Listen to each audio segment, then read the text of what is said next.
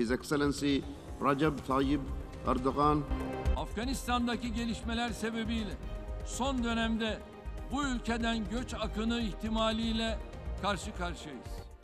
Suriye krizinde artık yeni göç dalgalarını karşılamaya ne imkanımız ne de tahammülümüz vardır. Merhaba, ben Serra Karaçam. Washington raporuna hoş geldiniz. Geçtiğimiz hafta her Eylül ayının 3. haftasında olduğu gibi Birleşmiş Milletler Genel Kurulu açılış oturumları haftasıydı. Liderler New York'ta toplandı. BM 76. Genel Kurulu, Afganistan'ın Taliban'a geçişinin 6. haftasına ve Indo-Pasifik'te Çin'i dengelemek için yeni ittifakların ilerlediği bir döneme denk geldi. Türkiye olarak bu zor günlerinde Afgan halkına karşı kardeşlik görevimizi yerine getirmeyi sürdüreceğiz. Uluslararası sistemde Birleşmiş Milletler'in etkinliği ve yapısının temsil kabiliyeti, mekanizmalarının ne ölçüde diyalog sağladığı tartışılmaya devam edilirken, Türkiye Cumhuriyeti Cumhurbaşkanı Recep Tayyip Erdoğan'ın genel kurul toplantılarıyla eş zamanlı açılışını yaptığı Türkiye'de de günlerce konuşuldu. Türkiye bu yıl Birleşmiş Milletler Genel Kurulu'na hem Cumhurbaşkanı'nın yazdığı ve bir uluslararası sistem eleştirisi olan kitapla katıldı hem de uluslararası sistemden umudu kesmediğini, Birleşmiş Milletler'in tam karşısına yaptığı ülkenin en büyük yatırımlarından olan diplomatik binanın açılışıyla ifade etti. Erdoğan, Paris Anlaşması'nı ilk imzalayan ülke olarak uzun bir duraklamadan sonra eşit yükümlülük şerhiyle anlaşmayı Türkiye Meclisi'ne taşıyacaklarını da açıkladı. Kıbrıs ve Azerbaycan konularında ise Birleşmiş Milletler'in çifte standardına bir kez daha vurgu yaptı. Azerbaycan meşru müdafaa hakkını kullanarak Güvenlik Konseyi'nin yıllardır uygulanmayan kararlarına konu olan öz topraklarındaki işgali sona erdirmiştir. Birleşmiş Milletler'in eşit olarak kabul ettiği adadaki iki halktan birinin lideri sizlere hitap edebilirken diğer liderin bu platformda sesini duyuramaması adil değildir. We're four major democracies with a long history of cooperation. Indo-Pasifik'teki mücadeleye dönersek, Avustralya'nın Fransız denizaltıları için yaptığı anlaşmadan vazgeçerek Amerika'dan temin etmeye karar vermesinin ekonomik etkileri dışında küresel siyasetteki yeni işbirliklerine dair de bir anlamı var.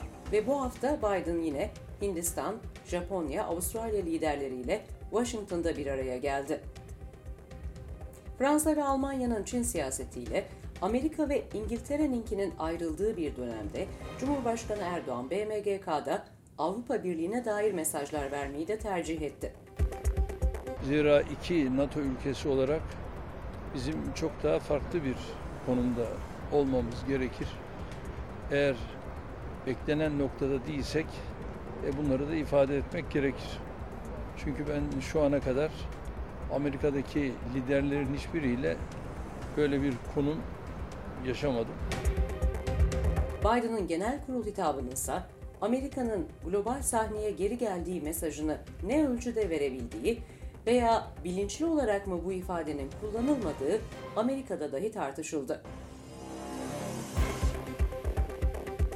Amerika Birleşik Devletleri'nden Washington'dan sizlere sesleneceğimiz haftalık bu podcast'imizde ilk bölüm konuğumuz SETA Vakfı Washington Direktörü Kadir Üstün bizlerle birlikte olacak.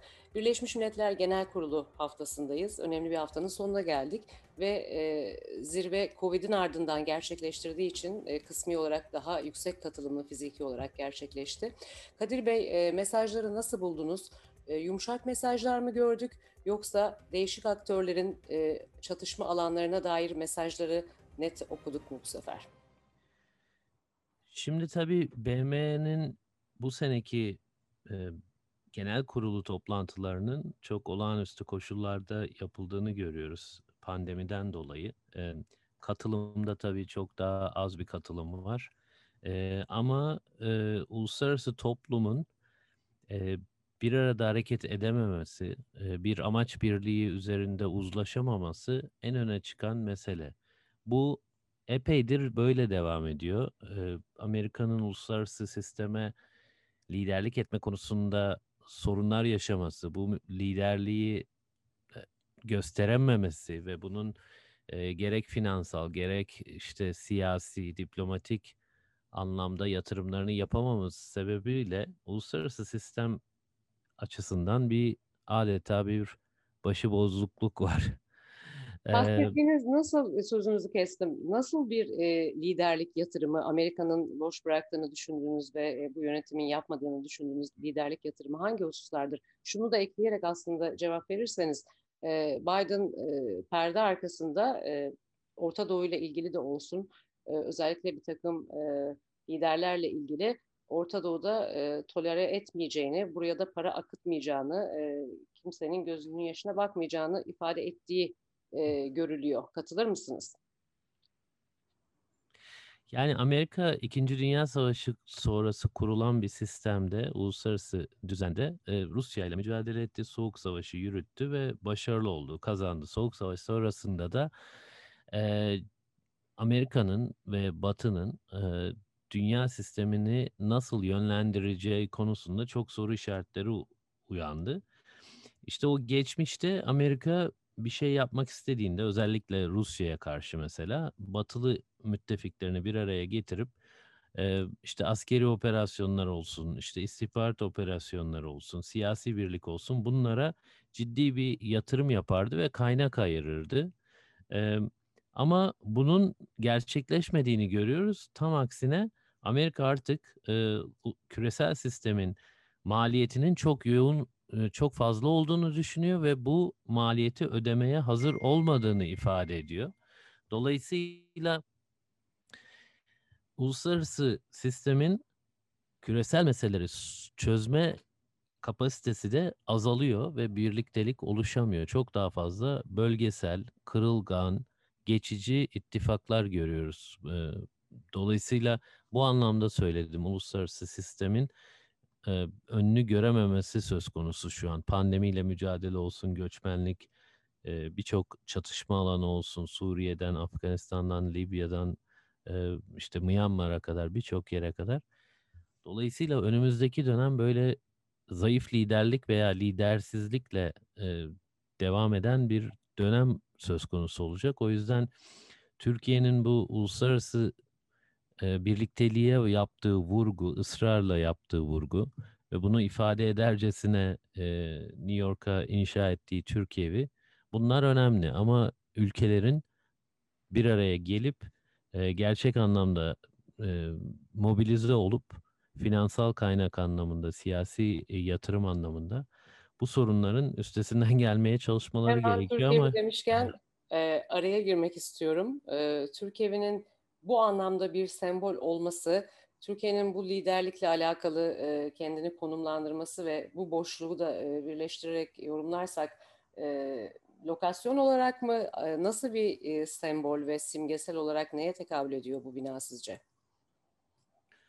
Yani tabii bunun öncelikle Amerika'da olması önemli. BM'nin e, tabii ki ana merkezi New York'ta ama e, böyle bir yatırımı yapmış olması Türkiye'nin hem diplomatik e, prestiji açısından hem de uluslararası sistemin bu sorunları çözebileceğine olan inancı açısından e, bir e, yatırımını gösteriyor. Buna inandığını gösteriyor. Yoksa hani ya BM etkisiz uluslararası sistemde bir şey yapamıyor. Dolayısıyla çok bir anlamı yok diyen bir ülke değil Türkiye. Tam tersine e, ancak e, Sayın Cumhurbaşkanı'nın da ifade ettiği, BM konuşmasında ifade ettiği gibi hani ulusal yani pandemiyle nasıl mücadele edeceksin? Virüs her yerde. Sadece kendi ülkenizi e, koruyarak, kendi halkınızı aşı yaparak bunun üstesinden gelmeniz mümkün değil.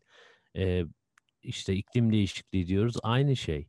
E, göçmenlik meselesi çatışma bölgelerinin ürettiği bir şey. Burada da uluslararası sistem, uluslararası e, toplum dediğimiz toplumu oluşturan ülkelerin bir araya gelmemesi bu sorunların devam etmesine ve dünyayı daha da yaşanmaz bir hale getir getirmesine sebep oluyor.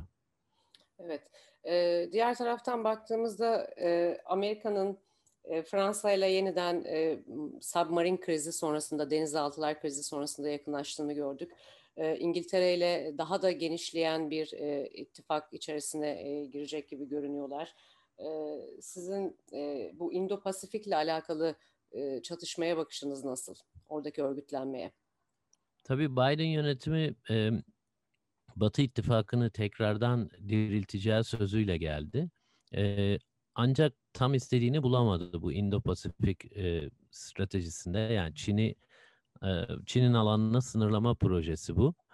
E, Almanya, Fransa bu konuya çok hevesli değillerdi. Yeni bir soğuk savaş istemediklerini söylediler.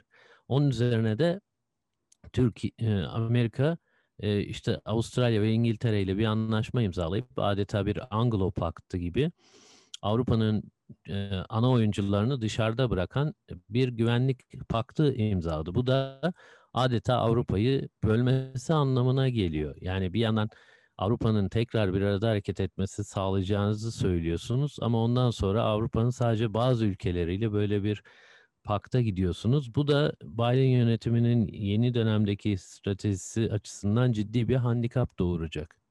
E, Fransız denizaltılarının e, alınmaması e, sözleşmenin e, çıkarabileceği başka pürüzler de konuşuldu. Ancak Macron ve Fransa Amerika belli bir noktada yeniden uzlaşmış göründü bu BM haftasında.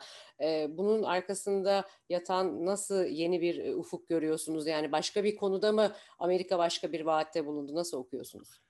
Muhtemelen öyle yani e, çok aslında Fransız ekolünü de seven ona yakın bir Biden yönetimi var. Blinken'in falan e, Avrupa'yı seven e, bir yönetim Biden yönetimi.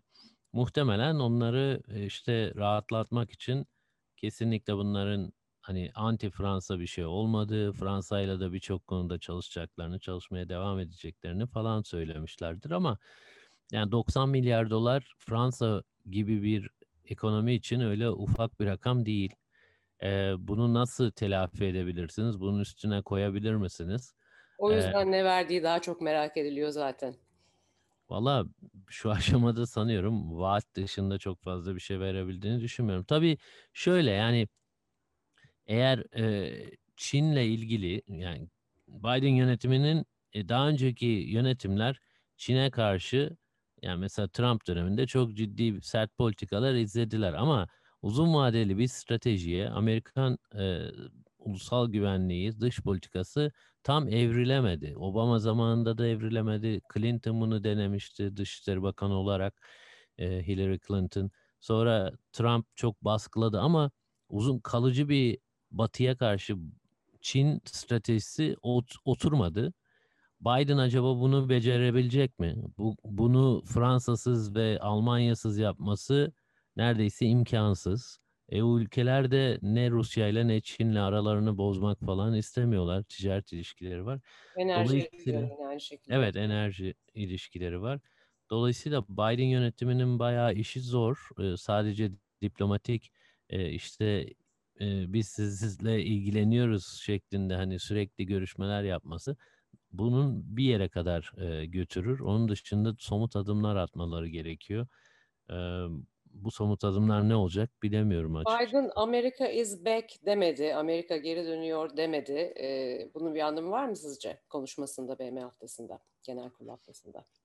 Valla bence Biden e, durumun farkında. Yani başlangıçta çok heyecanlı bir biçimde Amerika geri geldi. Bundan sonra birlikte çalışacağız. Dünyanın ekonomisinin yüzde altmışı Amerika ile Avrupa arasında e, topladığınızda yani küresel ölçekte yüzde altmışına denk geliyor e, gibi söylemlerle ortaya çıkmıştı ama çok kısa sürede hani Almanya'nın hem Rusya ile enerji ilişkisinde hem de Çin ile ticaret ilişkisinde bu bota binmeyeceğini gördü.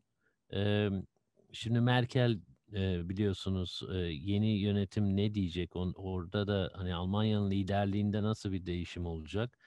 Fransa Akdeniz'de, Orta Doğu'da bayağı bir hani boy göstermeye çalışan ama kapasitesi çok sınırlı bir ülke.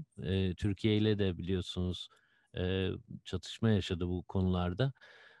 Fransa'nın kapasite sorunu var.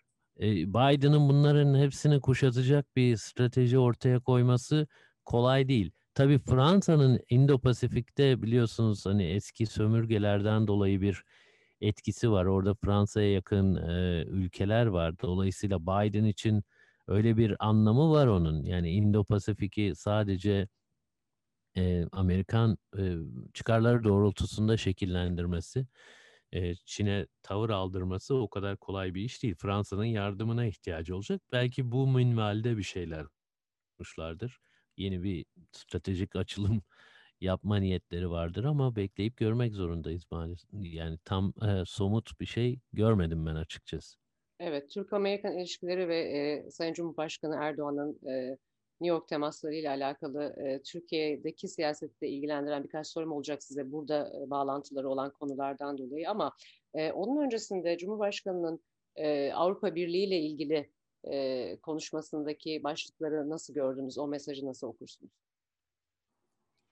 Tabii yani Avrupa Birliği ile ah, sıkıntılar devam ediyor. Tabii ki hani bir toparlanma süreci oldu ama yani e, Merkel Türkiye'nin Avrupa'nın tam bir parçası olmasına karşıydı. İşte Fransızlar da benzer bir şeydi. O yani Avru- Avrupa bir şekilde Türkiye ile çalışmak zorunda olduğunu, kriz alanlarını yönetmek zorunda olduğunun farkında ama Türkiye'ye karşı böyle bir tam bir e, tavır kapsam kapsayıcı işte kucaklayıcı bir tavır koymuyor, koyamıyor. Hem iç siyaseti e, sebebiyle hem de stratejik düşünememeleri sebebiyle bu benim fikrim tabii. E, Avrupa'nın son dönemde bir de Amerika ile sorunlarını görüyoruz. Amerika'nın işte Avrupa ile danışmadan, Avrupa'ya Evet, söylemeden, NATO'dan yine değil mi? pardon. Yine bu Indo-Pasifik konusu üzerinden olan ayrışmayı kastediyorsunuz? Yok ben şeyi daha çok Afganistan'dan e, kimseye söylemeden çok istişare etmeden çıkmasının e, NATO için ciddi bir sorun olduğunu düşünüyorum. E, son zamanlarda Avrupa'nın bir Avrupa ordusu kurmaktan bahsetmesinin de e, sebebi bu aslında. Dolayısıyla önümüzdeki Türkiye dönemde neresinde olur böyle bir resim gerçekleşirse ve ne kadar gerçekçi sizce yakın vadede? Ya gerçekçiliğini e, yani mümkün aslında Avrupa bir e, ortak güç kurabilir ama hani NATO'nun ikinci büyük ordusu Türkiye her halükarda Libya'da, Akdeniz'de, Azerbaycan'da, Suriye'de e, askerleri var Türkiye'nin. Yani Avrupa'nın kuracağı ordunun Türkiye ile çalışma mecburiyeti var. Öyle bir hani Türkiye'yi göz ardı etme lüksleri yok. E, Erdoğan da bu konuda niyet belirtmiş ve tazelemiş olduğu bir nevi. Bu mesaj önemli miydi sizce? Elbette yani Avrupa'nın Türkiye ile çok daha doğru dürüst diyelim e, amiyane ifadeyle e, birlikte çalışması gerekiyor. Başka çaresi yok. Bunu mülteci meselesinde gördük, göçmenlik meselesinde gördük. Bu, e, mültecileri Türkiye'de sıkıştırarak hani Türkiye'ye de maddi yardım vererek e, bunun üstesinden gelemeyeceklerini biliyorlar, görmeleri gerekir. Dolayısıyla Avrupa'nın Amerika'dan daha bağımsız bir dış politika izlemesi, kendi ordusunu oluşturması noktasında da e, bölgesindeki en önemli güçlerden birisi, belki de en önemli güç Türkiye yanı başında. E, Şimdi Türkiye ile e, birlikte hareket edemezse e, o ordunun da etkinliği falan çok e, azalır. Tabii bu orduların etkinliği de üç günde oluşmuyor. Yani işte 20 bin, 30 bin neyse 50 binlik bir güç oluşturup bunun adını Avrupa ordusunu koyarsınız ama onun nasıl nerede operasyon yapacağı, nasıl hangi e, angajmanlara gireceği, nasıl stratejiler izleyeceği bunlar çok zor süreçler. E, NATO'da varken bu e, çok emin değilim açıkçası ne kadar etkili olacağı konusunda. Evet, Sayın Cumhurbaşkanı e, CBS News'e bir e, mülakat verdi buradayken. Ayrıca New York Times ekibini de kabul etti. E, CBS News röportajın bir kısmını promo olarak yayınladı ve pazar günü bu yayınlanacak. Bizim podcast'imizle aynı zamanda yayınlanmış olabilir ama şu an kayıt sırasında yayınlanmış değil henüz. Buradan gelen başlıklara baktığımızda Cumhurbaşkanı'nın Afgan mültecilerle ilgili durumu açıkladığını ve Amerika'ya da sistemlerini izledik o kısa tanıtımda. E, Türkiye'de de bu konu iç politikada çok tartışıldı. E, Amerika'da da hem e, State Department'ta hem baş, Ba- White House'ta sürekli Türkiye'nin neden Afgan e, SIV'leri kabul etmediği veya P2'ları almak istemediği gibi e, sorgulandı. E, zaten en yüksek sayıdaki mülteciye sahip bölge ülkesi olarak dünya üzerinde de e, rakam resmi ve gayri resmi olarak da değişik rakamlar var ortada.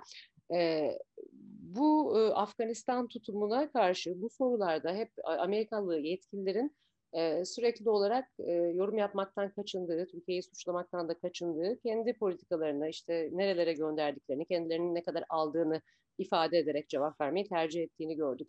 E, nasıl yorumluyorsunuz? Ya tabii ki Amerika'nın Afganistan'da Türkiye'yi veya, veya başka herhangi bir ülkeyi suçlama gibi bir lüksü yok. Ee, Amerika oradan çıkma kararını e, kendi başına alıp e, ilan etti, tarih verdi, son tarih verdi. Burada bir NATO ile ciddi bir istişare gerçekleşmedi veya istişarelerin sonucunda çıkan e, görüş her zaman e, NATO ülkeleri çıkılmaması yan, ya, tarafındaydı. Ben Amerika'nın ülkeden çıkmasını iyi miydi kötü müydü onu ayrı bir tartışma konusu. Bence çok kötü bir şey değil açıkçası Sayın ama Cumhurbaşkanı CBS'te neden asıl 20 yıl oradaydı, neden dedi. Ee, bunun cevabına bakmak gerektiğini söylüyor. Ee, yani bunu... şeyde tabii ki orada bir e, başlangıçta terörle mücadele e, icabı girdi oraya ama on birkaç sene içerisinde özellikle Irak e, işgali sonrasında Amerika'nın stratejisinin olmadığı, stratejik vizyonunun adeta kaydığı görüldü. O, ulus inşasına girişildi. Ülkede bitmeyen bir savaş oluştu 20 senedir. E, dolayısıyla onun dinamikleri farklı oldu. Yani stratejik anlamda Amerika artık ne yaptığının farkında değildi adeta. Peki E, uluslararası gören ve aktörler Taliban'ı yakın sürede tanıyacak mı sizce? Pakistan'dan sürekli uyarı geliyor iç savaş olabileceği, işte başka bölgeleri de riske atabilecek, kaosa yol açabilecek, terörü arttırabilecek gelişmelerin de bu şekilde daha çok doğabileceği gibi e, hem e, Han konuştu hem Pakistan Dışişleri Bakanı konuştu. Ne dersiniz? elbette yani şu orada tabii yakın vadede? Tali- Taliban'ın tanınıp tanınmaması meselesinden çok Taliban'ın ülkede e, nasıl bir yönetim oluşturacağı asıl mesele o. Şu ana kadar görülen çok fazla kapsayıcı bir yönetim oluşturmayacağı yönünde, diğer grupları dışlayacağı yönünde. Bu olursa elbette o ülkeyi yönetmesi mümkün değil. Zaten çok zor bir ülke, yönetmesi zor bir ülke. Bir sürü etnik, e, siyasi e, grup var. E, bunları yönlendiren, bunları etki etmeye çalışan yabancı ülkeler var, farklı ülkeler var. Pakistan var, Çin var, Rusya var, diğerleri var. İran. Dolayısıyla evet e, Taliban'ın e, hem içeride kapsayıcı bir yönetim e, oluşturup sonra da e, dış ülkelerden tanınma alması o kadar kolay bir süreç değil. Bu, bu noktada ciddi bir siyasi e, nasıl diyeyim usturuplu bir siyasi strateji izlemeleri gerekiyor. Şu ana kadar gelen sinyaller öyle çok olumlu değil ama e, yani 20 sene öncesinin Afganistan'da değil sonuçta ülke. Evet, insani yardım da tabii bu kritik önem arz ediyor herhalde. E, bunu e, Sayın Kalın da Sullivan'la görüşmesinden sonra açıklamasında vurgulamıştı. E, Ülkenin ülkenin istikrarsızlığa e, sürüklenmesi söz konusu olur. Yani milyonlarca mülteci olur, çatışma olursa kimse de toparlayamaz. Yani zaten 20 sene toparlanamadı. E, burada Taliban'ın e, daha kapsayıcı bir e, siyaset üretmesi e, mecburiyet yani öyle bir lüksü yok açıkçası. E, bakalım yapabilecekler Evet. mi? Şimdi biraz daha Erdoğan'ın e, ziyaretinin detaylarına girecek olursak e, vaktimizin sonuna doğru. E, Sayın Cumhurbaşkanı pazar günü geldi. E, öncelikle Türk evinde e, durdu, oraya baktı. Sonra TASK etkinliğine e, geçti. E, burada Türk Amerikalılara ve Amerikalı Müslümanlara hitap etti. E, bir takım e, ikili ilişkilerde Biden sonrası Ermeni olaylarıyla özellikle e, başlayan bir soğukluk var gibi görünüyor ve e, daha sonrasında da yapılan açıklamalarda Obama'yla olan ilişkiler, Trump'la olan ilişkiler gibi olamadığına dair e, ifadeleri gördük. E, nasıl yorumlarsınız? Tabii şimdi Biden yönetimine gelene kadar 2013'ten beri daha da eskiye de götürülebilir. Türk-Amerikan ilişkileri sürekli e, krizlerle e, devam ediyor maalesef. E, bunun tabii e, bir sürü sebebi var. Bunları kon- ayrı bir program yapıp konuşmak gerekir ama Her hafta bu Ee, diyorsunuz. şu anki inşallah yani Biden yönetiminde şöyle bir tavır oluştu. Biliyorsunuz pandemi dönemi, ciddi bir ekonomik kriz dönemi. Ee, ülke içi Amerika'nın içerisindeki iç siyaset açısından çok e, zorlu bir dönem. Çok büyük Bu bütçe aşama- geçirip borçlanma e, arttı değil mi? Bir de o da var. Evet, yani e, tarihi rakamlar, tarihi ölüm rakamları, tarihi her şey tarihi artık yani. Ama şöyle bir şey var. Hani bunların ortasında dış politikada çok somut adım atmakta e, zorlanıyor. Biden bir Çin politikası ilan etti. Avrupa'yı yanına alamadı. Bunları konuştuk. Dolayısıyla Orta Doğu'da da hani bu bitmeyen savaşları bitireceğiz sözünü verip Afganistan'dan çıktı. En attığı somut adım o aslında. E, Bunun içeride maliyeti yüksek oldu şu ana kadar. E, Ben bir şekilde halkın desteğinin yüksek olduğu için unutulacağını bunu düşünüyorum.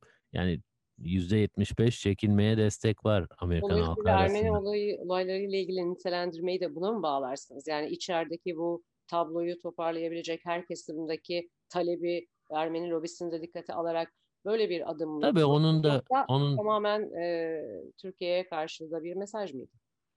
Ya şimdi Biden kongre e, geçmişi çok fazla 30-40 senelik hani senatörlük e, şeyi var, geçmişi var. O yüzden kongreyle karşı karşıya gelmek istemiyor. Birçok meselede S-400'de vesaire e, Türkiye'yi Türkiye ile bilmesi için gidip kongreye Türkiye lehine lobi yapması lazım. Dolayısıyla bu bunu buna enerjisi yok şu an. Eee, dolayısıyla sorun alanları Türkiye ile Amerika arasındaki sorun alanları ikili anlamda dondurmuş durumda adeta. Eee, ama bu başlı başına kötü bir şey değil. Hani eee, çünkü her gün kriz olması, sürekli atışma olması ve resleşme olması ilişkinin uzun vadeli sağlığı açısından zaten iyi değildi. O yüzden bu noktaya gelene kadar çok fazla git gel olduğu için eee, şu aşamadaki sakinlik sakinlik o kadar da eee, kötü bir şey değil. Ama eee, buradan yeni bir ajanda çıkar mı? Yeniden Türk-Amerikan ilişkilerinin sağlıklı bir aya oturtulması buradan gerçekleşeceğini de düşünmüyorum. Tabii Evet, ki somut orada- adımlar atılması gerekiyor. E, Türk Evi'nin açılışında da birlikteydik. Bu binanın hem Birleşmiş Milletler Daimi Temsilciliğimiz için hem New Yorklu Türkler için çok önemli bir yeri var elbette. Siz bütün bu temaslar kapsamında gözlemleriniz nedir? Bu binanın Türkiye için 70'lerden sonra anlamı, o dönemde yine Adalet Partisi ve e, Refah Partisi'ydi yanılmıyorsam ortaklığındaki koalisyon döneminde bir takım çabalarla burası alındı. O günlerden bugüne bakarak gelirseniz ne dersiniz? E tabii büyük bir aşama şu an hani yeni yapılan bina 36 katlı tam BM'nin karşısında. E, bence en önemli sembolik önemi Türkiye'nin uluslararası topluma inancının devam ettiğini gösteriyor. E, Türkiye Devleti'nin e, bir binası oradaki hani New York'ta birçok kurum var. Kurumun temsilciliği var biliyorsunuz. Orayı kullanabilecekler ve Sayın Cumhurbaşkanı'nın konuşmalarında özellikle sadece Türklere değil bütün dünya e, halklarına açık olduğunu binanın söylendi. Kardeş milletlere açık olduğu. Dolayısıyla e, gerek Orta Asya sanıyorum gerek Orta Doğu'dan, Afrika'dan başka ülkelerin orada belki yer sıkıntısı çeken ülkelerin de e, kullanabileceği bir şey olacak. Bu binanın e, kardeş milletler tarafından da kullanılacak olmasının ötesinde e, tabii fiziki olarak New York'ta olması, Amerika'da olması sadece BM'nin e, ana merkezi orada olduğu için değil bence. E, Batı ittifakına da bir mesaj ade- adeta. E, hani Türkiye belki de yurt dışındaki en büyük yatırımı. Dolayısıyla e, ben bunun e, hem sembolik olarak hem siyasi olarak anlamlı olduğunu düşünüyorum. Türkiye'nin e, Batı'yla e, ve uluslararası toplumla işinin bitmediğini, oraya sırtını falan dönmediğini gösteren e, çok önemli bir yatırım ve siz de oradaydınız. New York'ta e, Türk evinde birçok hani biz de SETA olarak e, bir etkinlik yaptık orada. E, basına kapalıydı ama e, yani bu binaya ne kadar önem verildiğini gördük. Sayın Cumhurbaşkanı ile birlikte birçok bakan, e, neredeyse Bakanlar Kurulu'nun e, çoğu diyelim az, ezici çoğunluğu oradaydı. E, bu bunun ben hafife alınmaması gerektiğini düşünüyorum. E, uluslararası toplumla irtibatı konusunda önümüzdeki senelerde BM Genel Kurulu olsun, e, New York'taki birçok e, e, etkinlik olsun e, Türkiye bir ev sahipliği yapacak ve gerçekten Türkiye açısından önemli bir prestij kaynağı olacak. Evet, Sayın Cumhurbaşkanımızın kitabı da e, burada yerini aldı. Kitapta da daha adil bir dünya mümkün ve e, Sayın Erdoğan'ın her zaman dünya beşten büyüktür dediği BM'deki bu yapıyla ilgili itirazları ve diğer adaletsizlikler e, yer buluyor. E, bu Ben anlamda orada buyurun. Ben orada da e, özellikle kitabın başlığına dikkat çekiyorum. Yaptığımız yayınlarda sizinle de onu tekrarlayayım. Hani olumlu bir, e, pozitif bir mesaj veriyor olması. e, Türkiye e, sürekli bir şeyleri eleştiriyor ama pozitif vizyon e, koymuyor gibi Batı'dan duyduğumuz eleştiriler oluyordu. Bu doğru değildi.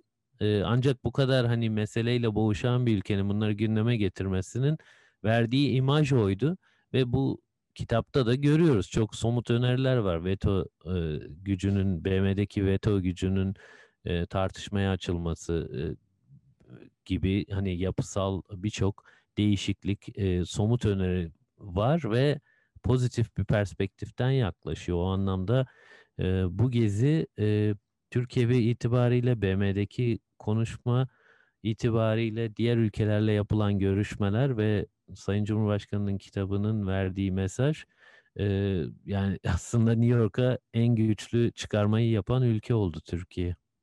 Peki e, Dünya Beşten Büyüktür'le ilgili e, yakın gelecekte yeni bir yapılanma BM içerisinde bekliyor muyuz? Ya BM'nin yapısı elbette değişmesi çok zor. Yani bu ancak e, şu açıdan zor. Bu beş ülke kendi veto gücünden hiçbir zaman vazgeçmeyecektir. Yani tamam hani bir beş ülkeye daha veya on ülkeye daha veto gücü verelim demezler. E, kimse o gücü paylaşmak istemez ama sanıyorum Sayın Cumhurbaşkanı'nın vizyonu, Türkiye'nin vizyonu o konuda yani diğer ülkelerin bir araya gelip bunu sürekli gündeme getirip koordine bir biçimde yapısal reforma doğru ciddi atım, adım atılmasını sağlamak.